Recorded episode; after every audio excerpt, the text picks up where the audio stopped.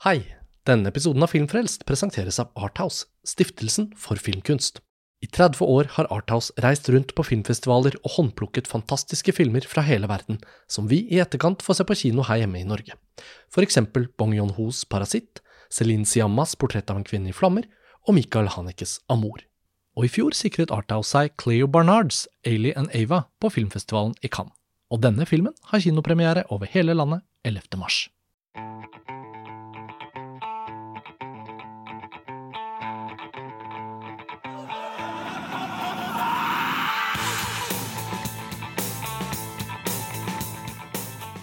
Hei og velkommen til en ny episode av Filmfrelst, podkasten til filmtidsskriftet Montasj. Jeg heter Lars Ole Kristiansen og er her i Trondheim sammen med Mats Halvorsen og Live Øra Danielsen. Hallo! Hei. Hallo.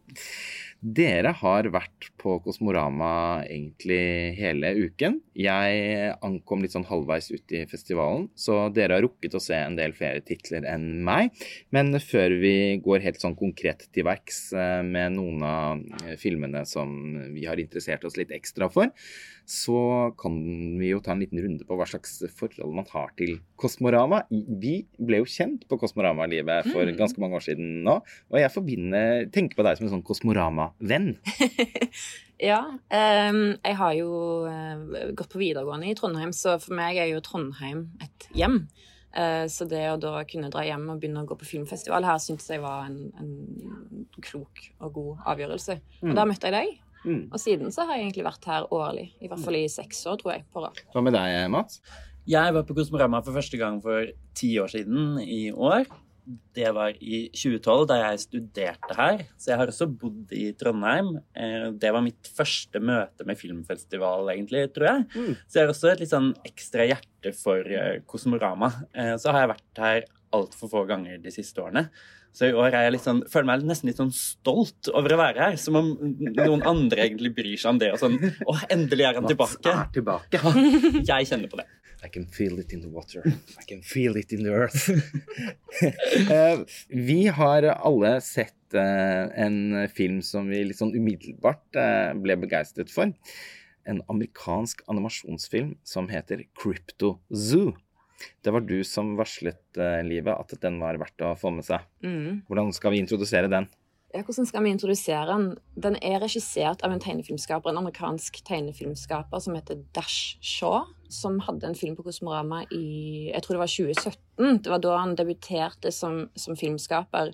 Og en animasjonsfilm som het My Entire High School Sinking Into the Sea. Veldig bra tittel. en god tittel. Og han er en veldig sånn, eh, hva skal en si, idiosynkratisk eh, animatør eh, og filmskaper, som jo har med seg veldig mye av den arven som han har som tegnefilmskaper. Det er liksom en sånn ganske sånn sardonisk humor, veldig åpenbart håndtegna illustrasjoner. Eh, Som, som har blitt til en veldig sånn animasjon som på en måte reflekterer veldig mye over hver animasjon. Da. Det er veldig mye sømmene mellom tegningene, veldig synlige og sånn, men så er det mest av alt så er det bare helt sånn fantastisk vakre, fargerike tablåer og, og ganske sånn actionfylte sekvenser, da. Så, så det er egentlig det jeg kan si at jeg har lært om han etter å ha sett to filmer av han. Ja, for det er mange liksom ulike både teknikker og nær sagt materialer i, i bruk her. Det er sånne forskjellige teksturer i ulike elementer i, det, an, i de animerte tablåene. Veldig fascinerende. Eh, mye som er litt sånn ruskete håndtegnet, Mm. apropos at han er tegneserieskaper.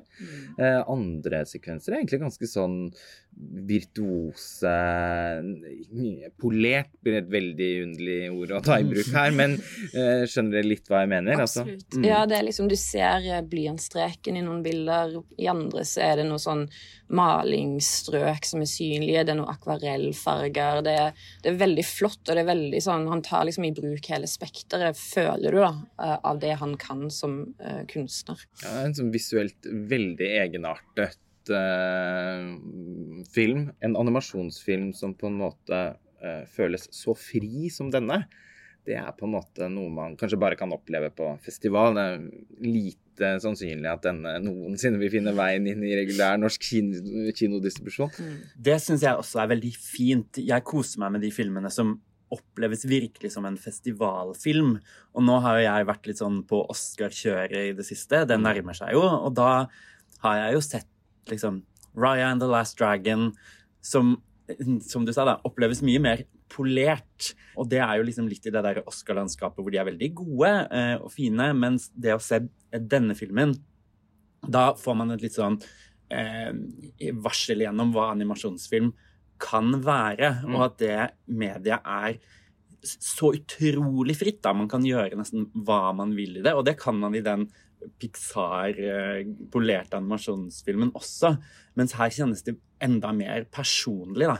Mm. mm. Ja, for jeg ble også litt sånn påminnet uh, om det da jeg så filmen. At uh, altså, det mest utrolige med animasjon er nettopp at man kan gjøre altså, virkelig hva som helst. da.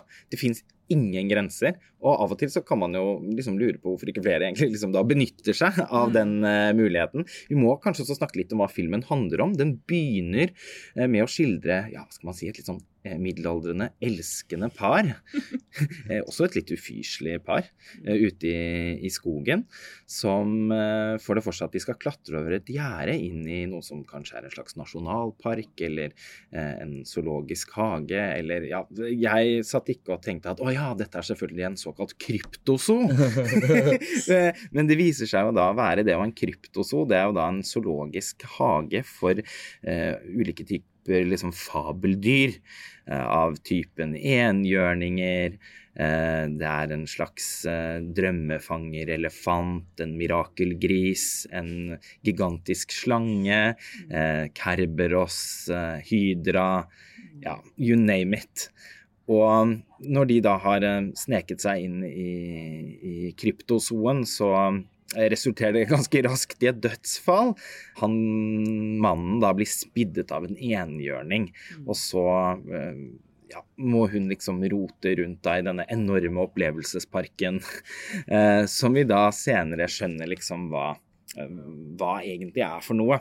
Og, og, og, hva tenker du, Liv, at liksom eh, denne, Hvordan skal vi fortsette når vi skal pakke ut filmens plott? Ja, nei, altså Det setter jo på en måte scenen for uh, hvilket univers vi er i. Um, det som skjer etterpå, at vi møter det som skal vise seg å bli filmens hovedperson, kan du si, uh, som heter Lauren, mm. tror jeg, uh, og som er en slags um, ja, hun, hun, kaller seg sjøl en sånn Navy brat. Hun er vel født og oppvokst på Okinawa i en sånn militærbase eller noe sånt. Og så har hun som barn da, så har hun møtt en sånn drømmefanger, en sånn japansk baku, kalles de vel, uh, som har uh, fjerna marerittene hennes. Og dette har gjort at hun har fått en sånn ekstra forkjærlighet for disse vesenene, disse cryptids, som de kaller de uh, i filmen. Uh, og hennes oppdrag er da å finne denne bak denne søte lille elefantgrisen eh, for å tenke med, da. Eh, redde han, verne han fra den store trusselen som er eksplisitt i filmen det amerikanske militæret som ønsker å fange disse fabeldyrene og bruke dem i krigføring.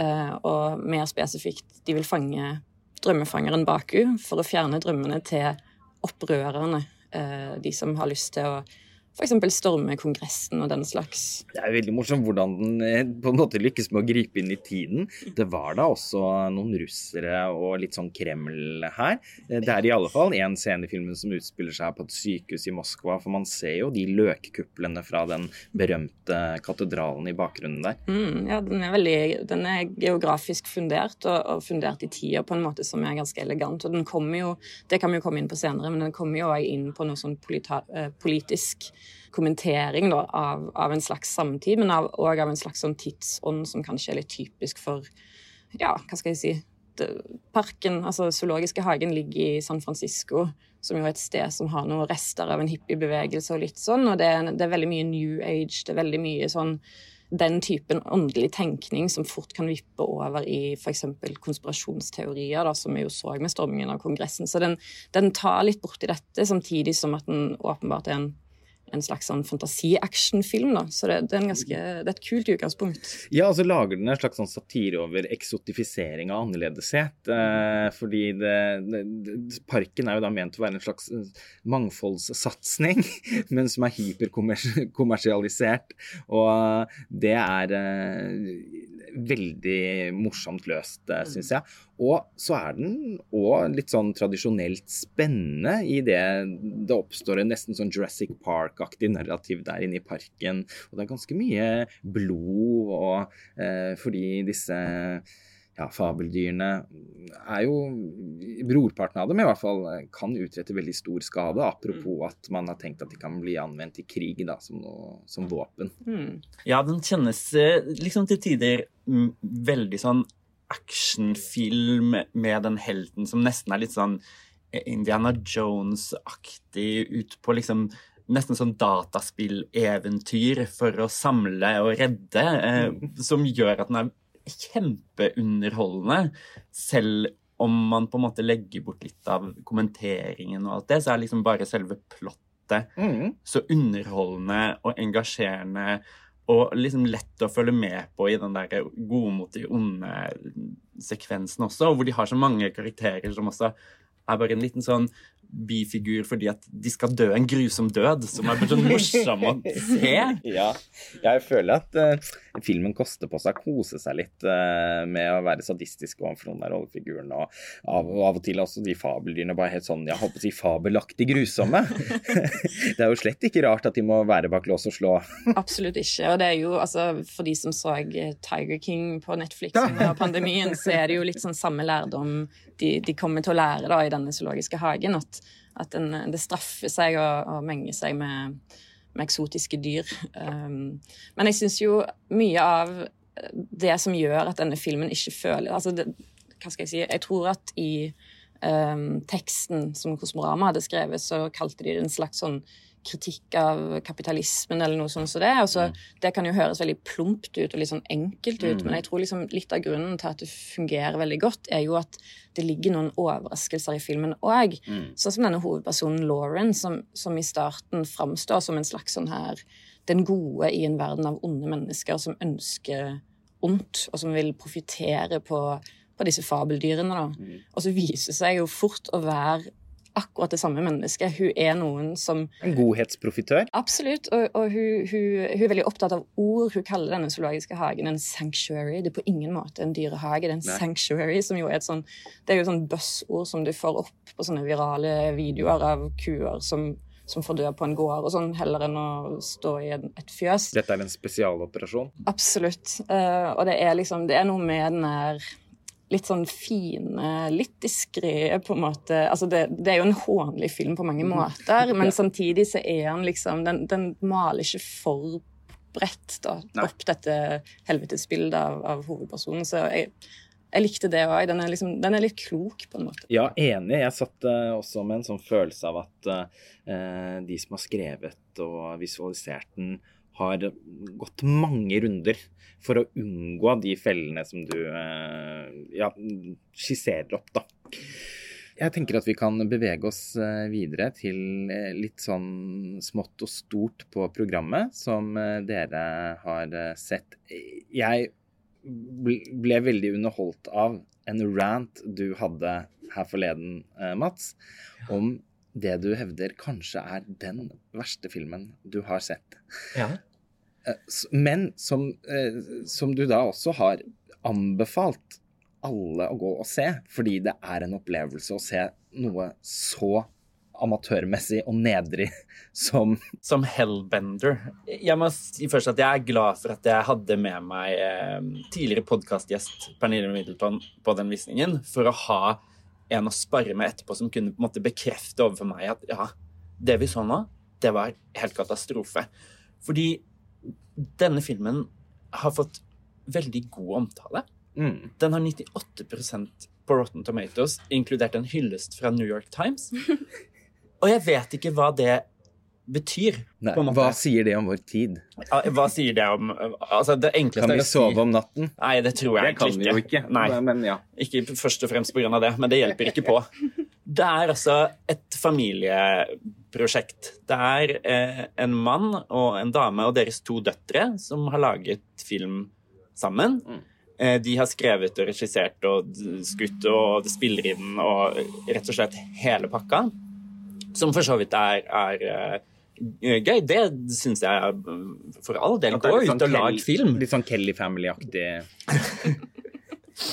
Men så, eh, og så begynner det Åpningsscenen er eh, en heksebrenning som hvor man ikke sånn umiddelbart tenker at dette er katastrofe, helt til en av dem plukker opp en pistol, og man begynner å tenke sånn "Mm, Men hadde de pistoler under heksebrenningen? Og så begynner det å skurre.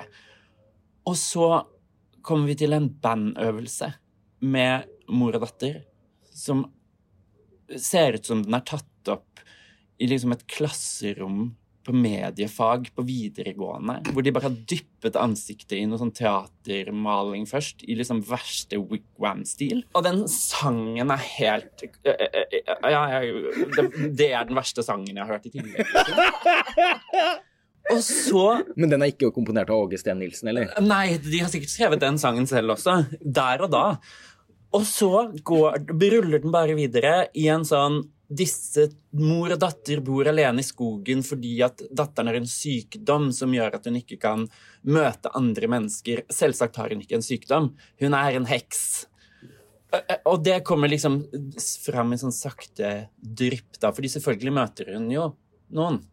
eh, Og oppdager at det er jo en hel verden der ute for denne var da, 16-åringen som ikke engang får lov å bli med moren inn til byen for å kjøpe nye blyanter. Det er en sånn film hvor jeg syns alt var så dårlig. Den er skutt i en sånn grusom digital hvor alle fargene er stygge, og alt lyset er stygt. Og den er liksom klippet med kjøkkensaks. Og effektene ser ut som de er liksom gjort nesten sånn praktisk. Det er blant annet en gjentatt greie med at for å åpne et hemmelig rom på loftet, så må de holde hånden sin over et symbol, og da kommer nøkkelen bare ut av hånden. Og det ser ut som de bare har limt et papir oppå hånden sin, og så bretter de det bort, liksom, for å dra ut nøklene. Altså, du og Pernille var rystet, rett og slett, eh, og, og krevde at alle måtte se, og for reference. Så vi får se om vi drister oss til det livet. Den, den går klokken tre i dag, og jeg har ikke glemt at jeg i utgangspunktet har lovt dere dyrt og hellig å utsette meg for eh, denne filmatiske fiaskoen. For tenk hvis du elsker den, sånn som alle andre gjør. Nei, jeg er ikke ingen stor tilhenger av sånn hjemmelaget film. Live, er det noe annet som har gjort inntrykk eh, på deg? Fortrinnsvis kanskje fordi det er bra. Ja, Uh, en film jeg så den første dagen min her, uh, var den belgiske filmen 'Playground'. eh, som jeg vet at du òg har sett, Mm. og som jeg vet at du òg liker. Mm. Og som jo er en, en film jeg gikk ganske blindt inn på basert på en anbefaling jeg hadde fått. Så jeg var ikke helt eh, forberedt på det som venta meg der inne. For det er en film som Ja, en kan vel si at det handler om mobbing. Mm. Eh, Det forteller om skolehverdagen til ganske små barn som behandler hverandre ganske jævlig. Eh, Det starter med en veldig gripende scene av en jente som klamrer seg til storebroren sin. Eh, hun gruer seg sånn til sin første skoledag. Hun vil ikke inn i klasserommet. Hun er så redd. Eh, og du sitter der som voksen og tenker ja, men kom igjen, gå, gå inn. Og broren sier ja, men det, det kommer til å gå bra. Bare, bare bli med. Det går så fint. Du, du kommer til å merke det. Og så får hun jo i løpet av filmen sine verste frykter bekrefta.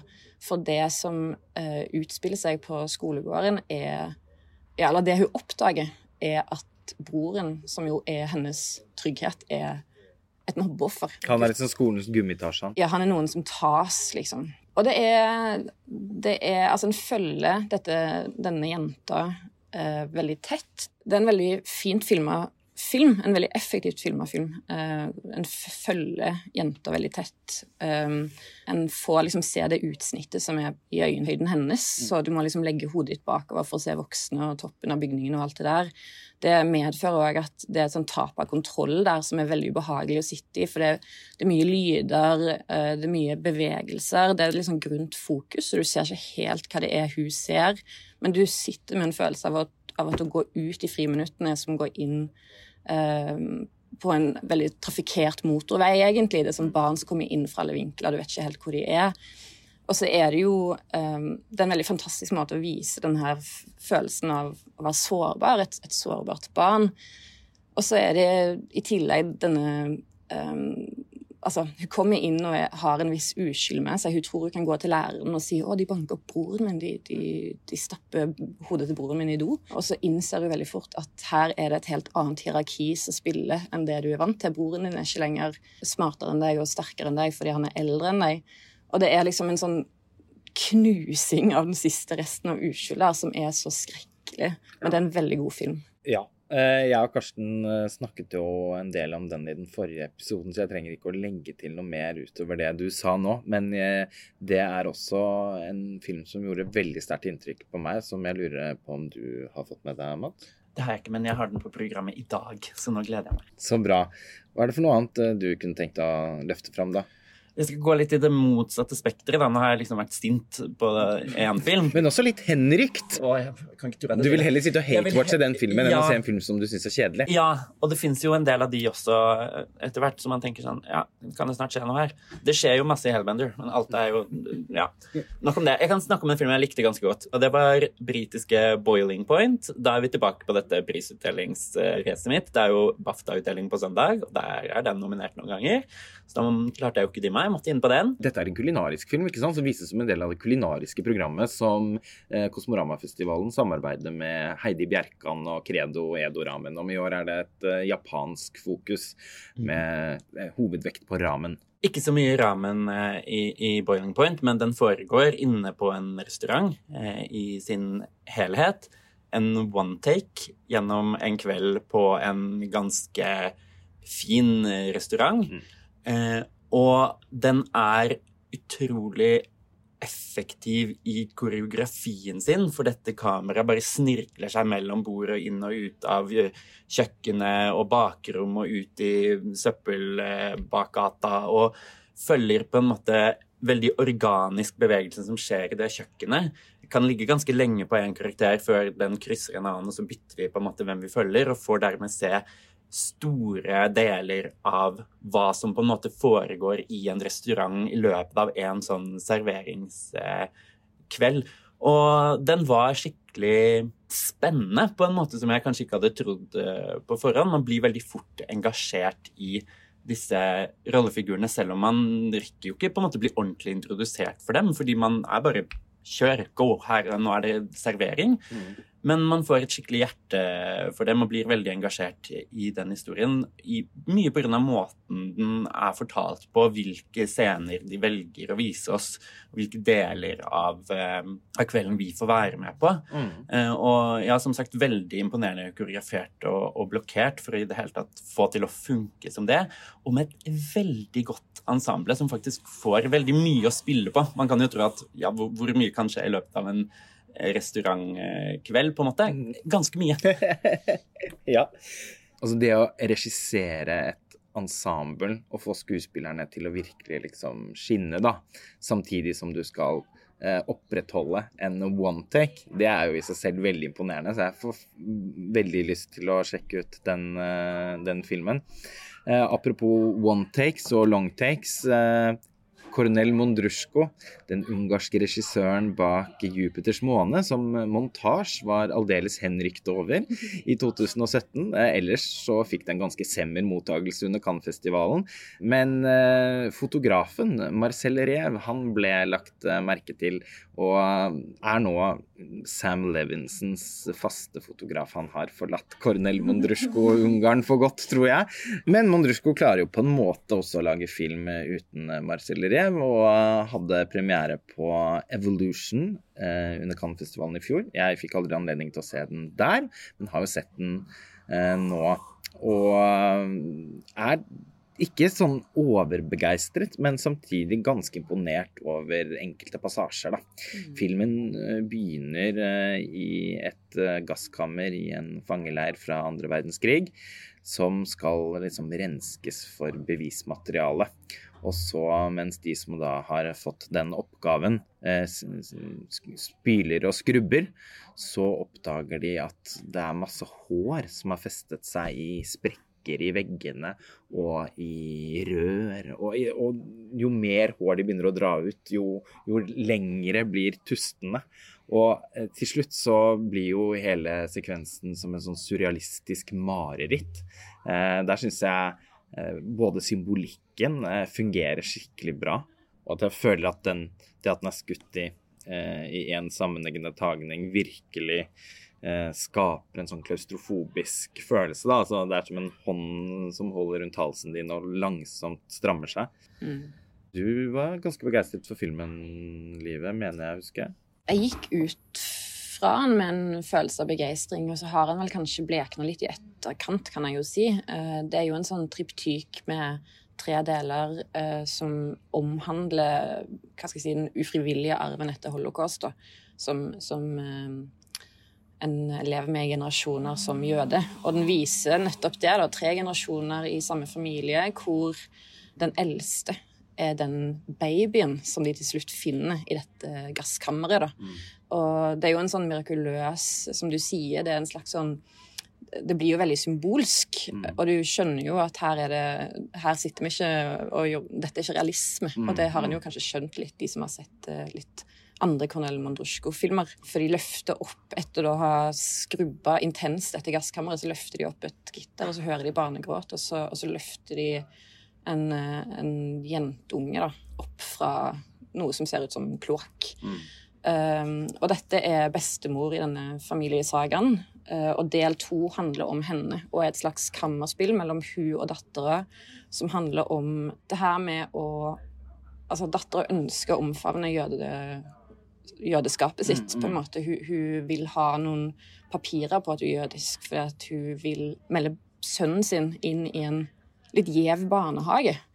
Og så er mora sterkt imot dette her, for hun sliter med paranoia. Sånn. Så det er en sånn samtale mellom mor og datter som òg kulminerer i en slags sånn mirakuløs greie. Altså at eh, det kommer en slags syndeflod fra etasjen over og, og skyller opp. Um, og jeg syns egentlig at eh, stilt sammen så var det to gode eh, historier, og så kommer historie tre, eh, som handler om barnebarnet her. Og, og der rakner kanskje filmen litt. Mm, jeg deler den uh, oppfatningen. Jeg syns også denne andre delen er engasjerende. Den er godt skrevet, syns jeg. Og uh, den er jo også da skutt i en helt sånn himmelropende lang uh, tagning. Apropos det jeg sa i forbindelse med den kulinariske filmen som du snakket om i stad, Mats, så er bare det å faktisk få manet fram såpass uttrykksfulle skuespillerprestasjoner som Monrusco lykkes med her, og samtidig da eh, unngå å, å, å klippe. Eh, et, et, det må jo være et, et mareritt for alle involverte. Og det er jo slett ikke første gang vi snakker om, eh, om, om one take-film på, på podkasten. Altså, vi har jo eh, tidligere laget episoder om f.eks. En natt i Berlin og Utøya 22. juli. Og, og på en eller annen måte så begynner jeg også å kjenne eh, et metningspunkt. da, At, at, at eh, one take-filmer også kan være utmattende på en måte som ikke nødvendigvis trenger å være liksom, konstruktivt uttrykksfullt for den fortellingen som, som skal eh, ja. eh, Men her føler jeg òg at det har en sammenheng med at jeg tror dette er en adaptasjon av et teaterstykke. Så det er liksom Det teatrale er veldig til stede, kan du si. Mm. Det, blant annet i skuespillerprestasjonene. For meg blir jo han litt heftig. Det blir litt sånn absurdteater i en akt og litt kammerspill i en annen, med, veldig, med det som hører til da, av, dramatiske prestasjoner. Men det passer filmen på sett og vis. Mondrusco sine filmer har gjerne noe litt sånn jagende, sånn lallende Absolutt. over seg. Mm. Det er en sånn en feberaktig stemning nesten uansett eh, hva, han, Mm. eh, hva slags situasjon som utspiller seg.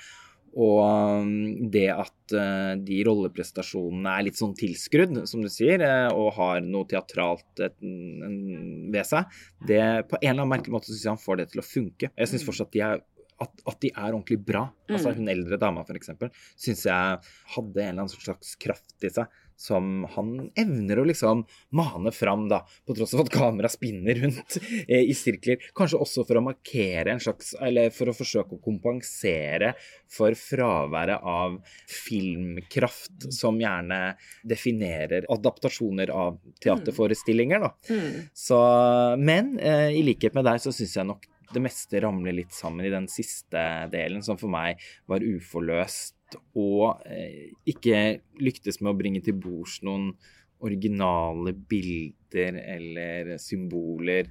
Ja, tvert imot så ender det jo nesten med en slags sånn her eh, Et sånn glimt av håp som føles nesten litt for on the nose. Da, med, Det var litt on the nose, ja. La oss Ja. holde hender sammen og gi hverandre Ja. en klem. og liksom det arabiske og det jødiske som Ja. ligger og kliner på en Ja, det. Nei, filmen liksom lykkes bare ikke med å, å lande. Og til slutt så sitter man egentlig enda med, med inntrykk av å ha sett tre novellefilmer. Og to av de er veldig gode. Så det er en, sånn soleklar anbefaling. Eh, Den får jo da også norsk kinodistribusjon etter hvert. Men i utgangspunktet noe jeg tenker på som en typisk festivalopplevelse. Mm.